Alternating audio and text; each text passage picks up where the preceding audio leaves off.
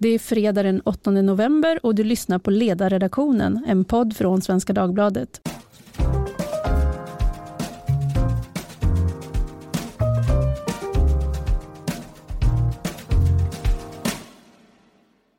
Jag heter Tove Livendal och idag ska vi maxa inför helgen genom att prata om två frågor. Den första frågan vi ska spekulera om handlar om vart KD är på väg med anledning av deras riksting som startar i Umeå Ja, just nu faktiskt. Ebba Busch Thor har just talat. Och den andra frågan handlar om hur det är att vara pappa i Sverige 2019 på förekommen anledning, nämligen Fars dag på söndag. Båda frågor som det går att göra mer eller mindre träffsäkra spaningar kring och med mig här i studion för att spana har jag rekryterat en kvalificerad panel. Viktor Bart Kron, nu på kvartal, men som inom kort iklädde sig uppgiften som Expressens politiska kommentator. Välkommen! Tack så mycket! När tillträder du? Eh, ja, det blir eh, första måndagen i december. Jag tror att det är den andra. Så mm. ganska snart. Det är ju väldigt snart. Det stod i pressmeddelandet från kvartal att du är rekordung för jobbet. Säger det mer om dig än, eller om Expressen? Om mig naturligtvis. Eh, möjligen eh, något om eh, om oss alla, nej jag vet inte, jag har hållit på ganska länge trots min, jag, jag, kan för övrigt absolut inte bekräfta att det där stämmer men jag får lita på Jörgen Wittfeldt som skrev det, jag hade inte sett det själv. Eh, jag undrar bara hur han hur han har kunnat liksom leda det där i bevis.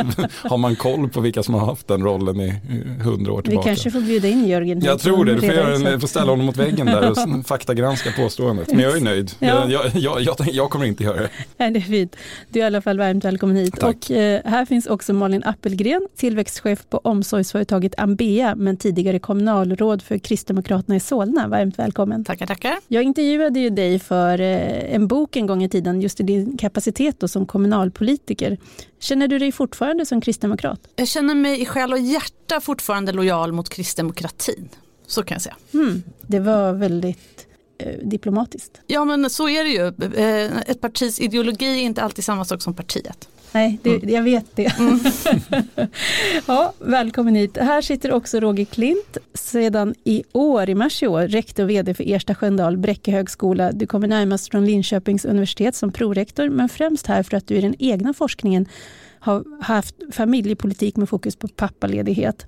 Välkommen hit. Mm, tackar, tackar. 2010 gav du med Thomas Johansson ut boken Nya svenska fäder och det eh, rubriceras som en historisk studie av 40 års jämställdhetsarbete för att göra pappa med barn och en studie av dagens fäder och föräldraskap. Och i det här så påminns om hur vi i mitten av 1970-talet fick se brottaren H.H. Dahlgren på Försäkringskassans reklampelare.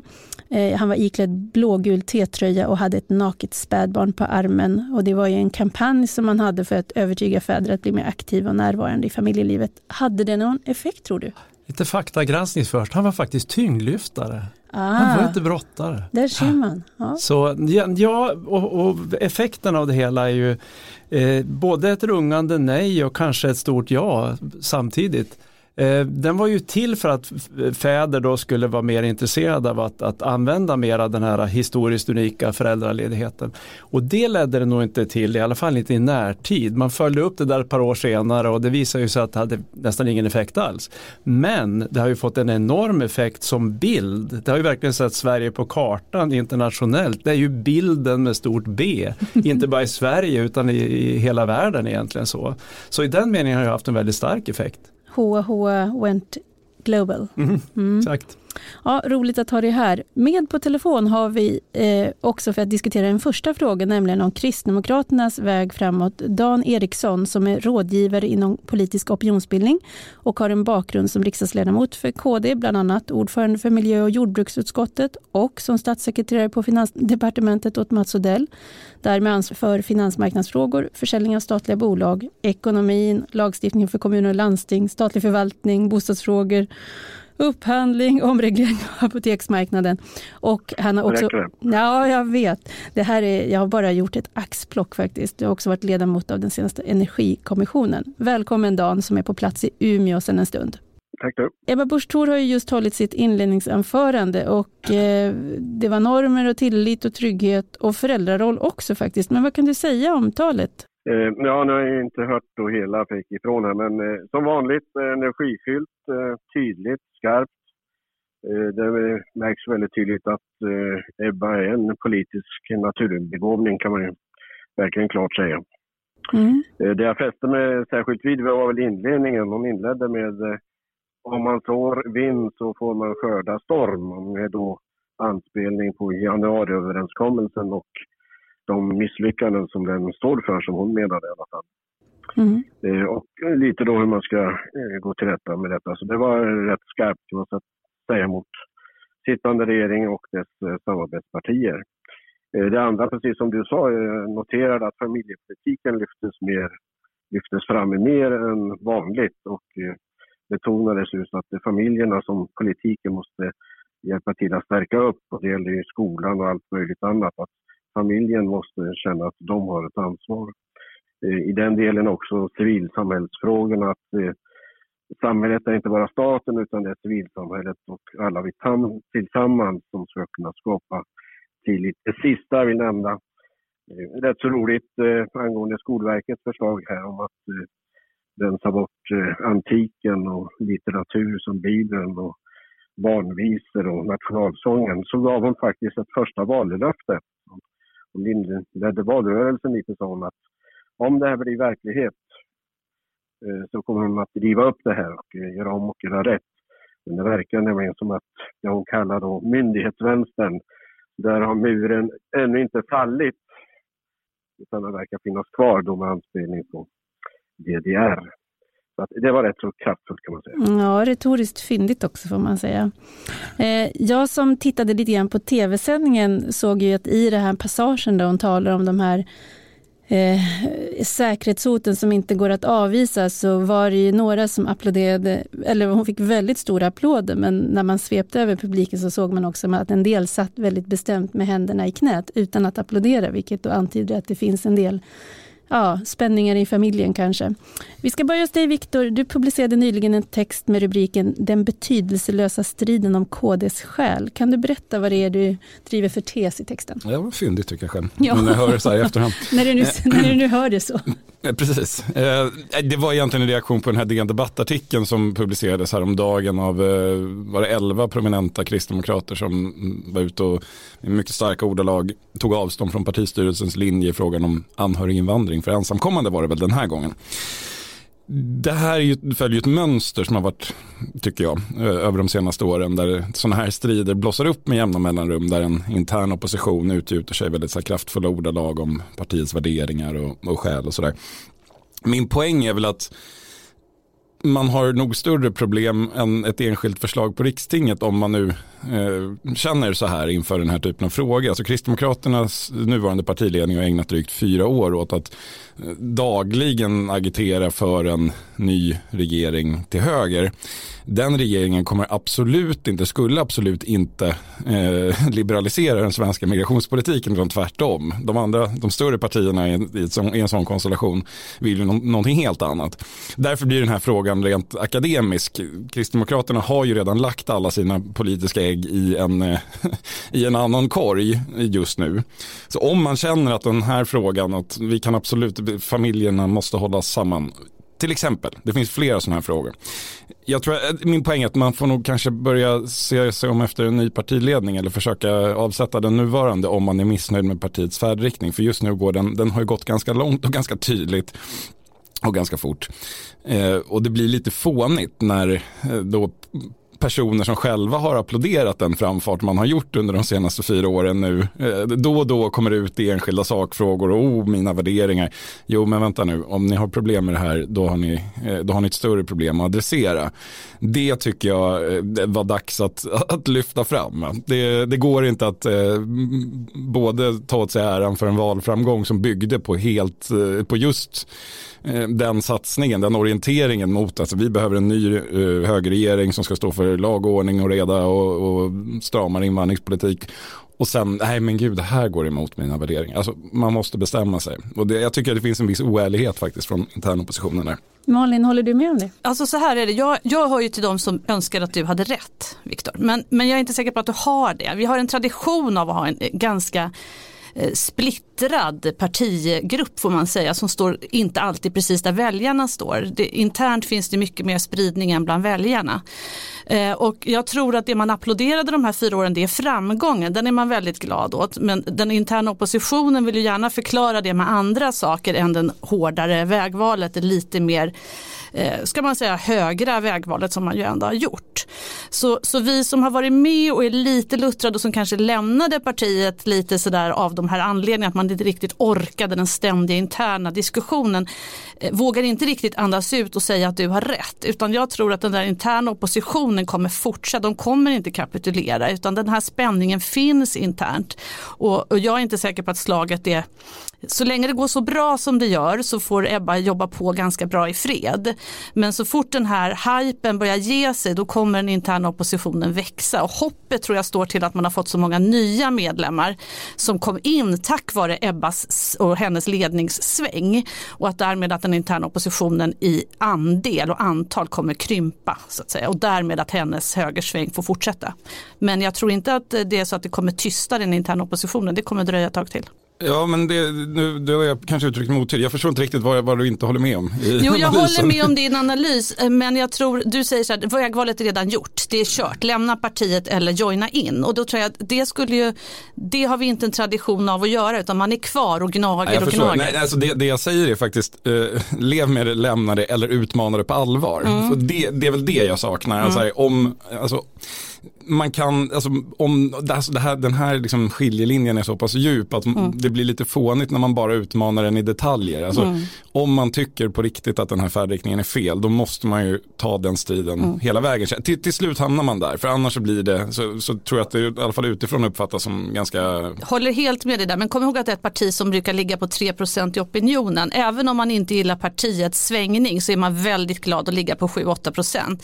Det är därför man inte vill göra den stora utmaningen, för det har man inte riktigt kraft att mm. göra. Men jag tror att finns det tillfälle så kommer det finnas en intern opposition redo att, att utmana. Sen, sen och det, bara som ett tillägg där, alltså det här, poängen är ju också i just den här texten att den här frågan eh, och, andra liknande frågor är ju i praktiken helt irrelevant just för att om Kristdemokraterna skulle hamna i regeringsställning med nuvarande partiledning och nuvarande pågående vägval då kommer det inte att bli så här oavsett vilket. Alltså det, och det har ju till och med Ebba Busch själv medgett i en partiledardebatt inför valet när Åkesson pressar henne om ni tycker ju så här. Ja, jo det gör vi visserligen men det kommer ändå inte bli så för alla andra tycker något annat. Och, så, så man, har ju redan, man har ju redan redan sålt det smöret så att säga även med den, eh, den linje man redan hade. Som, så, så, så, så, där, och, och då blir ju den här konflikten ganska det, det, blir som att varför finns den egentligen? Är det för att de interna opposition, oppositionella ska få känna sig som lite bättre människor trots att de är med på det här tåget som de kanske tycker är på väg åt fel håll? Jag vet inte, det, det blir, det, blir lite skevt. Ska man ta på den här liksom väldigt försåtliga PR-människan så ska man kanske säga att det är viktigt för dem att man får visa att man kan vara, att det kan finnas alltså, de här oppositionella nu, om man nu tycker sig så, att de också då kan visa de som känner sig tveksamma att det finns en plats för dem i partiet. Dan, eh, de här som då har skrivit den här artikeln, det finns ganska profilerade personer där. Vi har förra partisekreteraren Acko Ankarberg Johansson, vi har utrikespolitiska talespersonen Adaktusson som nu kommer att lämna som andre vice ordförande och också EU-parlamentarikern David Lega. Det är ju liksom ändå partiets fixstjärnor om man säger så. Hur skulle du säga, för oss som inte känner till den kristdemokratiska kremlologin, hur pratar man om det här internt? Finns det namn på de här olika falangen eller vad man ska kalla det för? Nej, eh, jag tror att Viktor och andra eh, sådana här politiska kommentatorer som kanske inte tittar lite längre bakåt i tiden har svårt att fortfarande förstå vad kristdemokratin är, att det är en egen ideologi. Om vi jämför med Tyskland, CDU består av kristdemokrater och konservativa. Och vi kanske kan jämföra situationen lite att vi är på väg åt det hållet. Men då kan man förhålla sig till sakfrågorna inom den familjen. Det viktiga, och det är det jag tycker kanske Ebba Busch Thor eh, på sistone har börjat lyfta fram, kristdemokratin som en egen kraft och att andra politiska krafter ska förhålla sig till den. Vi kan ta Almedalen som till exempel, där det är hon som stal hela föreställningen och tvingade andra partier att förhålla sig till hur hon agerade. Eh, det finns också sakfrågor de försöker sätta detta. Så jag tycker, och det tar jag inte nu som en gammal partisekreterare, Utan eh, det finns andra spänningsfält, eh, andra fiktioner inom kristdemokratin kanske, inom olika sakfrågor, än kanske andra partier. Men det är just den egna ideologin man försöker utforma och då ser inte jag just den här konflikten som så dramatisk utan det är, det är en sakfrågeställning. Man diskuterar utifrån barnens perspektiv och landar i lite olika ståndpunkter. Men att detta skulle vara någon sorts större falangstrid, det, jag ser inte det.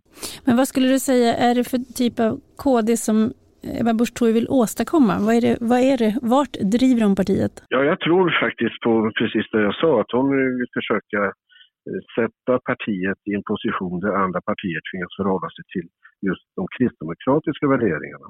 Eh, I hennes tal och tidigare också, det är väldigt värderingsdrivet. Och eh, det här med höger-vänster, det är klart det finns där och markerat, eh, hon finns på högersidan.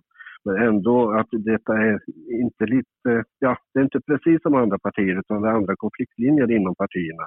Men att man håller ihop utifrån en kristdemokratisk ideologi. Så jag tror att de försöker sätta lite bilden, eh, ja, som en sorts Angela Merkel kanske, om vi nu ska ta stora ord här, men på sikt så tror jag att det är den positionen hon vill ha. Ja, alltså man måste väl ändå komma ihåg hur hon stal showen i Almedalen. Det var ju genom att äta lunch med Jimmie Åkesson. Så det, det, det, det, har ju varit återkommande. Jo, men det är ett sätt att eh, komma in i den politiska debatten på ett sätt förändra kan man samtala med olika politiska partier eller inte? Och det är ju det som folk pratar om.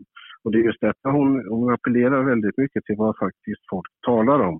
Och det hon säger själv, de problem som vi har att lösa. Det är inte bara snack, utan det är lite att de lyckas appellera till detta. Men ett sånt, sånt utspel då, för som sagt det är klart att det, det finns, det, ja det kan finnas ett innehåll där och jag tycker ju också att det är rimligt att alla riksdagspartier kan samtala med varandra och äta precis vad de vill.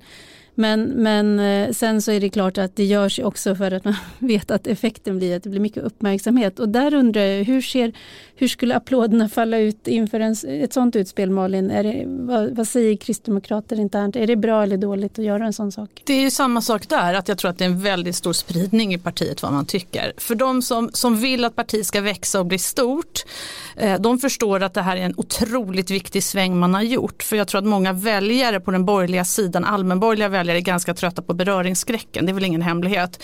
Och hon är den som har valt att riva av det plåstret. Så att det där lägnar vi inte vi oss åt. Så jag tror, men, men sen är det ju det här, det, det som kristdemokratisk ideologi då, vi älskar att prata om det internt och så. Men i sakpolitik så kan det ändå leda till ganska olika ståndpunkter. Precis som Dan säger här, det är därför det kan komma sakfrågor som splittrar. Men för att det ska vara relevant för väljarna måste man ju prata sakpolitik. Det räcker inte att liksom prata en lång ideologisk filosofisk diskussion om ideologi ideologin utan det måste resultera i, i konkret politik och där finns det en splittring. Eh, men jag tror absolut att det var taktiskt att göra den här lunchen med, med Jimmy Åkesson. Det är en väldigt tydlig markering och jag, hon har ju också varit väldigt tydlig att, att vi, att just KD kan ta den är för att vi är så otroligt bottnade i vad vi egentligen står i människovärdesfrågor och vad vi tycker. Så därför vi riskerar inte att ändra uppfattning för att vi pratar med Jimmy ett tag. Eh, och det tycker jag att hon har liksom fått fram. Ja, men det, jag ifrågasätter inte det, den, den strategin och på lång sikt kommer det säkert visa sig att det här var någon, alltså, början till att etablera någonting nytt normalt. Men det var ju precis samma motreaktion då. Eh, och eh, alltså i samband med den här lunchen och, och, tidigare öppningar åt det här hållet. Och som jag menar följer samma mönster som, som det här vi ser kring frågan om anhöriginvandring nu då personer som kommer ut högt uppsatta inom partiet och nej men gud det här känns inte alls bra för mig. Då vill man bara ni har hållit på i fyra år, alltså från att KD själva fällde decemberöverenskommelsen. Kristdemokraterna var först med att säga att nu ska vi lägga en gemensam borgerlig budget. Och det var ju kodspråk på den tiden för att vi ska söka makten med Sverigedemokratiskt stöd. Man hade kunnat säga vi är öppna för att förhandla med Socialdemokraterna eller Miljöpartiet eller något, men man har gjort precis tvärtom. Man har grävt skyttegravar åt, uh, mot de rödgröna. Man har inte direkt gråtit utåt över att uh, Centern och Liberalerna har lämnat det borgerliga samarbetet och istället, så det, det är lite grann, det här har varit uppenbart för alla i Sverige som följer politik att det här har varit väg att hända. Utom då uppenbarligen för ett antal ledamöter i Kristdemokraternas egen partistyrelse. Vad det verkar. Jag tycker det finns en oärlighet här. Det här har liksom inte varit någon hemlighet att det hitåt riktningen går. Och sen kommer man ut och pratar om att men gud det känns inte bra för mig. Nej, men varför sitter du kvar då? Om man är lite hård som man får vara ibland. Och i din roll som kommentator, vad kommer du att titta efter på Rikstinget? Vilket beslut blir viktigast? Nej men det Ja, som sagt, det här är ju, vi har ju redan berört stridsfrågan, men jag menar ju att det spelar inte så stor roll hur den faller ut, för slutresultatet i svensk politik kommer bli detsamma ändå. Eh, Nej, men det är alltid intressant att lyssna på betoningen. Alltså, Kristdemokraterna har ju, håller ju på, om vi släpper den här liksom, interna konflikten så håller man ju på att utforma, man gör ett intressant experiment tycker jag, som var tydligt i Almedalen innan det drunknade i diskussionen om att Åkesson hade eh, citerat Moberg så uppfattade jag att Ebba Busch Thor och, eh, och, hennes stab försöker utsnickra någon form av svensk, eh, svensk version av amerikansk republikanism. Alltså, prata om social kapitalism och sådana här saker som kanske inte riktigt har varit en kännetecken för den svenska borgerligheten. Eh, man, man har någon form av kapitalismkritik från höger som är på väg och som man tar små steg i hela tiden. Jag tycker det är väldigt intressant att se vart det där tar vägen och om det finns en grogrund för det i, i liksom den svenska politiska politiska myllan. Det är inte säkert. Men om det gör det så det är det intressant att man provar.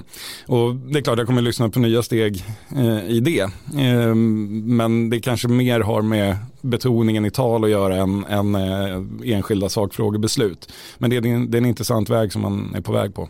Malin, vad kommer du att hålla utkik efter? Eh, nej men det är väl lite grann hur Ebba hanterar faktiskt eh, den interna diskussionen. För den, den om man inte var alltför positivt, nu tycker jag det har gått långt över förväntan, jag tycker det går väldigt bra för Ebba, men i början var det lite traggligt internt och sådär, så det var lite oklart, skulle hon klara den här, att göra den här svängen, byta ut all sin stab mot personer som tyckte som hon och så. Nu har hon faktiskt gjort det och jag tror att hon kommer hålla kurs. Eh, och jag tror att hon kommer få göra det, men jag tror inte att det kommer hända det som du säger, att de som inte gillar det kommer lämna eller tiga, utan det, vi tycker, vi berömmer oss ju mycket om att vi alltid är öppna för diskussion och så. Ibland kan man ju längta efter det moderata toppstyret. Man håller tyst så länge ledningen har mandat och sen så kommer man efteråt och sågar alltihop. Men, men så länge någon är vid rodret så inordnar man sig. Nu ska jag säga att jag själv var ju en väldigt oppositionell politiker när jag var. Så, så att jag hör ju också till de som då välkomnade intern opposition och nu tycker jag, åh, kunde de inte ligga lite lågt. Men jag tror att hon kommer att hålla kursen. Det är intressant hur man kan skifta Man kan skifta utifrån utgångspunkt. Ja. Dan, hur ser du, vad, vad hoppas du av den här helgen? Mer intern opposition eller mindre? Ja, det är alltid bra att ha en bra opposition. Då blir majoritetsbesluten också ofta bättre och de som ska driva dem bättre när man förstår hur oppositionen tänker. Eh, annars så tycker jag det är roligt för mig som tidigare ordförande för jordbruksutskottet att det är väldigt tydlig eh, betoning på landsbygdsfrågorna. Man skulle anta ett särskilt eh, landsbygdspolitiskt program här och kanske återigen försöka bli ett stort parti också på landsbygden. Eh, samtidigt som man då försöker behålla eh, de storstadsväljare man har fått. Att man då har ett eh, parti som verkligen nu riktar in sig på den målgruppen, det är ju väldigt tydligt. Och det tycker jag är lite spännande. Det blir som inverterad centerresa på något sätt. jo, men det finns i grunden alltså hyggligt stöd där ute och kan man nu formulera en bra politik som också ge lite mer än vad som nu är för handen. Och eh, då tror jag att man kan bli ett realt hot också för andra partier på landsbygden. Vi ska säga tack till dig Dan Eriksson som nu befinner sig i Umeå på Riksting. Och innan du lämnar podden så vill jag bara veta hur du helst firar Fars dag som inträffar på söndag. Ja, det är att motta telefonsamtal från barnen också, på att koppla av och i bästa fall är något sport på tv. Då önskar vi att du får allt detta. Tack för att du var med i podden. Tack så mycket. Det blev en liten radioövergång till vår nästa gäst. Vi hälsar Manne Forsberg välkommen till podden. Tack! Du är skribent och föreläsare, författare till böckerna Kukbruk och Pappalogi, tvåbarnspappa och gör tillsammans med Nisse Edvall Pappapodden som eh, rubriceras som en podcast om pappaskapets mysterier och mirakel. Vad pratar ni om undrar jag och hur kommer det sig att ni börjar med den? är det inte, har jag inbillat mig, eller är det inte också skuggsidor om mysterier och mirakel? Eller har jag tänkt det bara, att det är det? Mm, då får du nu titta över copyn tror jag. Nej, du behöver inte kolla. Jag minns, det, det, det, det skulle ju vara symptomatiskt om det så att jag tänkte att det, att det ska handla om skuggsidan också, föräldraskapet. Men sen har jag inte ens skrivit det under rubriken, utan det är bara soliga grejer. Eh, jo, men i Pappapodden, vi har hållit på väldigt länge. Vi har gjort tror jag, 354 avsnitt. Det hållit på vart sju år. Eh, där pratar vi om våra upplevelser som föräldrar kan man väl säga. I väldigt vid bemärkelse. Som handlar om föräldraskapet på något sätt. Mm, och varför började ni med den? Vi började med den för att Nisse Edvall och jag var ganska nyblivna kompisar och gjorde ett radioprogram tillsammans. Men sen så brukade vi också gå till Centralbadet och berätta, vi brukade basta och bada där, så berättade vi liksom dråpliga historier eh, från eh, föräldraskapet för varandra i relaxen där. Och sen märkte man att det var som att vi alltid hoppades att vi skulle berätta så roligt att gubbarna där skulle skratta. Eh, men de tyckte mest att det var jobbigt att vi satt och pratade så mycket. Det var ingen som någonsin skrattade åt våra föräldraskapsstories. Så då tänkte vi att vi behövde ett forum för det. Där kanske Behöver en större publik helt enkelt. Exakt, så var det. Ja. Ja, och på söndag firas det alltså Fars dag i Sverige och så även i Finland, Island, Estland och Norge. Den här traditionen startades på 1910-talet i USA av Sonora Smart Dodd i Spokane som ville hedra sin far för att han hade fostrat sex barn själv sedan hans hustru dött i barnsäng. Det här initiativet spred sig och levde vidare och 1966 instiftade Lyndon B Johnson Fars dag i hela landet. Det finns ju som ni alla är medvetna om en kommersiell sida på det här firandet men vi ska tala lite om den innehållsliga biten. Vad innebär faderskap i 2019 års version av Sverige? Är vi på en önskad plats och hur hanterar politiken papporna? Roger Klint, du har ju forskat en del kring detta. Vad, vad fann du? Ja, jag har ju mest rört mig historisk tid och försökt förstå hur den här äh, idén om den svenska pappan liksom har tagit form ända från 60-talets ganska högröstade och dynamiska jämställdhetsdebatt och hela vägen fram då hur den blev politik och hur den har liksom utformats politiskt. Så det är framförallt där jag har rört mig. Och det är ju en spännande resa. Det är ju verkligen det. Sverige var ju först ut i världen med att ge män rätt till betald föräldraledighet. Så det är ju i sig väldigt intressant att varför blev det så? Varför blev Sverige först ut med detta? Så det är ju liksom en fråga som man får ställa sig. Och vad, vad, vad, vad är svaret?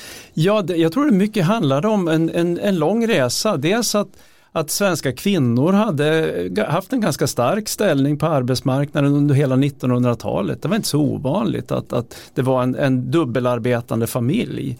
Eh, och hela den här liksom diskussionen på 60-talet kring kvinnors rätt till att ytterligare då komma in på arbetsmarknaden bidrog väldigt tydligt till att också sätta det här med eh, den andra hälften i familjen på kartan. Då behövs det också någon form av engagemang i, i, från männens sida. Så.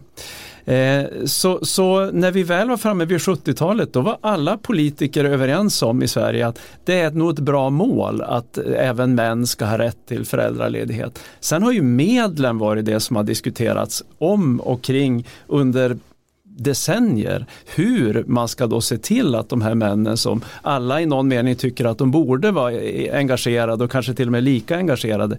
Hur ska man politiskt hantera detta? Där har ju de stora skiljelinjerna funnits och inte minst kopplat till det här med kvotering och den typen av styrmedel som alltid ända från det började diskuteras i mitten av 70-talet har varit jättekontroversiellt. Mm. Och det, på något sätt så har det, ju, det var ju två parallella projekt. Det ena är på något sätt att frigöra kvinnorna mm. från mm mm. Eh, föräldraskapet genom mm. att få ut dem att jobba mm. och för männen då motsvarande åt andra hållet. Precis. Och det var ju väldigt mycket fokus på 70-talet just kring kvinnligt yrkesarbete. Det var ju egentligen den stora frågan. Den här 700-sidiga eh, statliga utredningen som föreslog pappaledighet innehöll bara några sidor om pappaledighet och resten handlar om kvinnligt yrkesarbete. Så det var det stora och det var ju inte papporna som möjliggjorde det utan det var ju barnomsorgen. Så någonstans blev det ju en liten tummetott av de här ganska vidlyftiga diskussionerna under 60-talet. När det blev realpolitik så blev det ganska lite ändå som egentligen kom att handla om det. Men jag läste ett inlägg av dig som du skrev för ett par månader sedan som handlade om åtta saker vi inte ska säga till pappor och nummer ett var du är en sån himla bra pappa. Men är inte det något väldigt bra att säga på söndag förutsatt att man tycker så? Jo, varför har jag skrivit så? Det känns ju jättedumt. Eh, det verkar ju jättetrevligt att säga så. Dessutom så är det väl bra med liksom positiv förstärkning i pedagogiska sammanhang. Men jag tror det jag kanske menade var att eh, där du är så bra pappa ofta sägs med viss förvåning mm. om saker som inte är liksom särskilt kvalificerade. Utan mer bara ingår i föräldraskapet. Och att det blir på ett sätt ett nedvärderande av den pappan som det sägs till. Eh, samtidigt som det också är frustrerande ofta för den eh, mamman till barnet som inte får beröm för den typen av enkla uppgifter kanske. Så jag tror jag menar det så. Just det, och så det, det är tonen som jag vet att de talar om på Sveriges Radio ibland som är rätt viktig, hur man säger saker. ja, ja, men också vad man berömmer för någonting. Men jag tror liksom generellt att få hör, höra från sina barn eller från sin partner så här, vilken otrolig pappa du är, liksom, hela ditt föräldraskap sammantaget. Det tycker jag verkligen man ska säga eh, på söndag. Och mm. jag vill jättegärna höra det. Så jag hoppas att, jag, att mina, mina nära inte har läst den här listan då.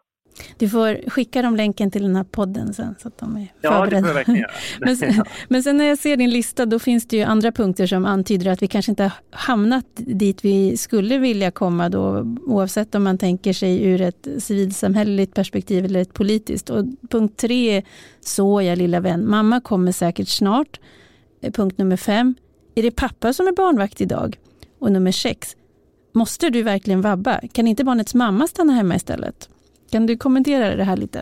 Det är klart att vi har kommit jättelångt, men vi har en bit kvar. För att i, av väldigt många så anses ju ändå eh, mamman som den viktigaste föräldern, tror jag.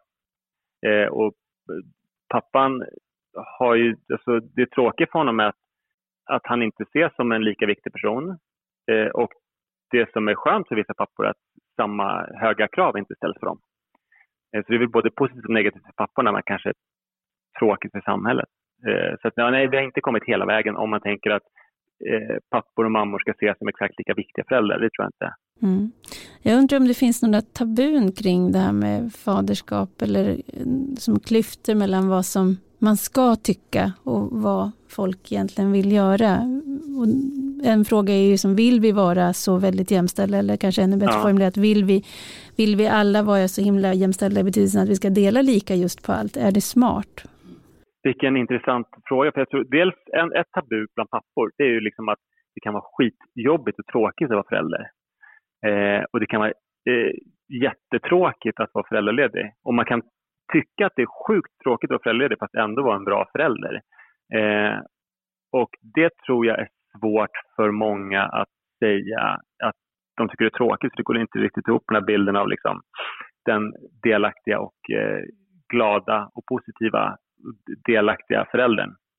En annan sak som jag tror är tabubelagd är att som kvinna vilja liksom känna att men vad fan, jag vill inte dela lika. Det är orättvist att dela lika eftersom jag har fött fram det här barnet och burit det under smärtsamma former. Liksom. Eh, så att låt mig ta mer, det är min förbannade rätt.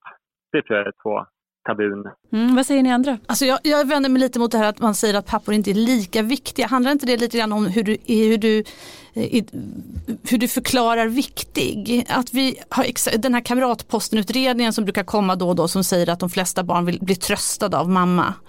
Eh, det betyder ju inte att pappa inte är viktig, han är viktig för andra saker kanske. Måste, är, är utopin eller visionen att vi ska ha exakt samma roll, mamman och pappan till barnen? Eh, och då menar man så att det ena är att det kanske generellt sett finns olika, att man har olika roller som kvinna och man. Men sen finns det också stora individuella skillnader i en familj. Så när man hela tiden definierar det som att man ska vara, li, att vara lika viktig är att man ska vara lika viktig på varje eh, fråga. Liksom. Den, den tycker jag går lite snett. Man är viktig på olika sätt och olika perioder i ungarnas liv skulle jag säga som har fyra nu nästan vuxna. Två tjejer och två killar. Det är klart att man har varit, vi har varit lika viktiga hela tiden fast på olika sätt i olika åldrar. Eh. Men det, det, visar ju också eh, det här fantastiska begreppet jämställdhet som introducerades i svensk politik på, på 60-talet och sen har liksom definierat politiken är ju ett oerhört oklart begrepp. Och när man frågar folk vad de lägger in i jämställdhet, vad är jämställdhet, så får man väldigt olika svar. Så någonstans det politikområde som ska sammanfatta vad det här är, är i sig ett, liksom en konglomerat av olika tolkningar och även på privat nivå väldigt många olika tolkningar vad då det här jämställdhet innebär. Är det att göra lika mycket är det att göra samma saker? Mm. Är det att vara samma saker? Och man får väldigt olika svar. Alla är överens om att jämställdhet är bra men det är väldigt oklart vad det egentligen står för, för hos olika personer. Och på ett sätt tänker jag att det kanske är bra ja. att individer och familjer och olika sammanhang, hur de än ser ut, kan göra sin mm. tolkning. Absolut. Um, Eh, vad säger ni om politikens roll? Styr den för mycket eller för lite? Jag tror inte den styr jättemycket. Det är, det är mycket diskussioner kring det här till exempel med kvotering och de som är kvoteringsförespråkare tycker att det är oerhört viktigt och att det är helt avgörande att det blir en vecka till eller en månad till. Och, och det är klart att det är på det hela taget oerhört lite i ett barns liv och en familjs liv. Å andra sidan så tycker vissa att det liksom är fullständigt katastrof för familjen och berövar den all sin valfrihet om det läggs till en månad till och så vidare. Så någonstans får man nog tona ner åt båda håll så. Så, så jag tror i praktiken att politiken inte har jättemycket eh, vad ska vi säga, styrmöjligheter utan det är väldigt många andra saker som styr Eh, hur arbetsmarknaden är konstituerad, grundläggande värderingar kring ditten och datten, föräldraskap speciellt och så vidare. Så att politiken är en av, av styrkrafterna eh, men det finns väldigt många fler. Ja, jag tycker att, nu kommer väl mitt kristdemokratiska arv här då, men jag tycker att, att politiken ska skapa förutsättningar för människor att forma sina liv så, så fritt som möjligt. Men jag tror ju inte på politiska medel för att, att förändra norm, att tvinga till normförändring förändringar Utan att vi har pappamånader gör att idag, eh, det, det, det, kanske har skapat förutsättningar för det är väl det här att nu jag som själv är chef idag vet att det är lika förväntat att pappan är pappaledig som att mamman är det. Det är klart men, men jag tror bara att man öppnar upp för att pappor kunde vara lediga så hade det här ändå hänt fast det går kanske något långsammare. Och jag ser inte riktigt problemet i det. För jag tycker priset att betala för att tvinga fram normer är, är ett ganska högt pris att betala. Det är inte poängen med föräldraförsäkringen att alltså, alltså inte det är ett samhälleligt önskemål om att kvinnor ska lönearbeta och män ska dela lika. Alltså det är väl ingen magisk påse pengar att fördela hur man vill. Nej, det, finns en, det finns absolut en politisk intention. Det betyder inte att jag behöver gilla den. Jag tycker att det är bra att det finns en påse pengar så att någon kan ta hand om barnet. Det är det viktiga för mig. Eh, hur man sen väljer att styra det där, det tycker jag det måste vara upp till var och en, var, varje familj. Men, men, det är ju, det skjuter ju rakt in i, i, i mycket de borgerliga partiernas liksom logik under hela den här resan. Att valfriheten är det övergripande liksom principen. Gärna jämställdhet men det får inte utmana valfriheten. Så någonstans sammanfattar det, det du säger väldigt mycket hur en borgerlig logik har funnits. Man har varit positiv till, till föräldrar, delad föräldraledighet, till ett aktivt faderskap och så vidare. Men det har aldrig fått hota den yttersta principen, den viktigaste principen och den har varit valfriheten. Spot on, så, så resonerar jag. Men jag ska fråga, för jag antar att eh, ni får en hel del reaktioner. Du, får, du bloggar och du skriver eh, och eh, poddar. Vad, finns det någon fråga sådär som är återkommande där svenska fäder känner frustration eller tycker att någonting är svårt i just papparollen? Jag tror att eh, man har förväntningar på sig själv inför föräldraskapet som inte infrias om vilken jämställd person man ska vara. Och sen så eh, händer det någonting under första tiden. Eh, att man liksom inte är så jämställd som man hade hoppats. Eh, ofta så brukar det ordna upp sig sen när man går på föräldraledighet efter, inte, kanske ett år eller sådär. Och då får man en närmare kontakt med barnet. Eh, men det stöter jag på jättemycket. Alltså pappor som känner så att de har hamnat lite i bakvattnet och är lite oroliga över det. Ja, hörni, det är fredag. Jag ska strax släppa iväg det här för variationen på fredagsmys. Men en sista fråga är alltid på fredag. Vad gör ni i helgen? Jag ska på, faktiskt bli firad i lite förtid för farsdag. Min äldsta son har bjudit mig på Fasching för att höra på ett band där ikväll och äta lite mat. Så det blir trevligt. Ja, vad trevligt. Malin? Mm. Jo, jag ska ikväll på Mozarts Requiem där så, yngste sonen sjunger i kör. Och imorgon ska jag börja mitt första extrajobb i garnaffär som jag ska ta vid nu på lördagar. Och på söndag ska vi inte fira fars dag för han har nämligen valt att sitta i någon eh, grop i skogen med hemvärnet och känna sig som att han försvarar rikets säkerhet. Så att då får han skylla sig själv. Ja, där ser man. Manne, vad gör du i helgen? Jag ska också på Mozart Requiem ikväll med min äldsta dotter. Jaha. Jag ska där i Kungsholms kyrka. Jajamensan, eh, vad kul. Mm. ja, och sen så vet jag inte, jag ska vi ta någon löptur och ta hand om olika övernattande barn och sånt där. Mm. Ja, det låter härligt. Själv ska jag tillbringa söndagen med att göra något av det som mina barns far tycker allra mest om, nämligen se Liverpool spela hemma på Anfield mot Manchester City. Det blir i sanning en dag för far. Vi önskar alla kristdemokrater ett gott ting och alla fäder en fin fars dag. Och med det säger vi tack till Manne Forsberg, Dan Eriksson, Viktor Bart Kron, Malin Appelgren och Roger Klint. Har ni frågor eller synpunkter kan ni mejla på ledarsidan svd.se. Vi är tillbaka på måndag igen och till dess önskar vi trevlig helg.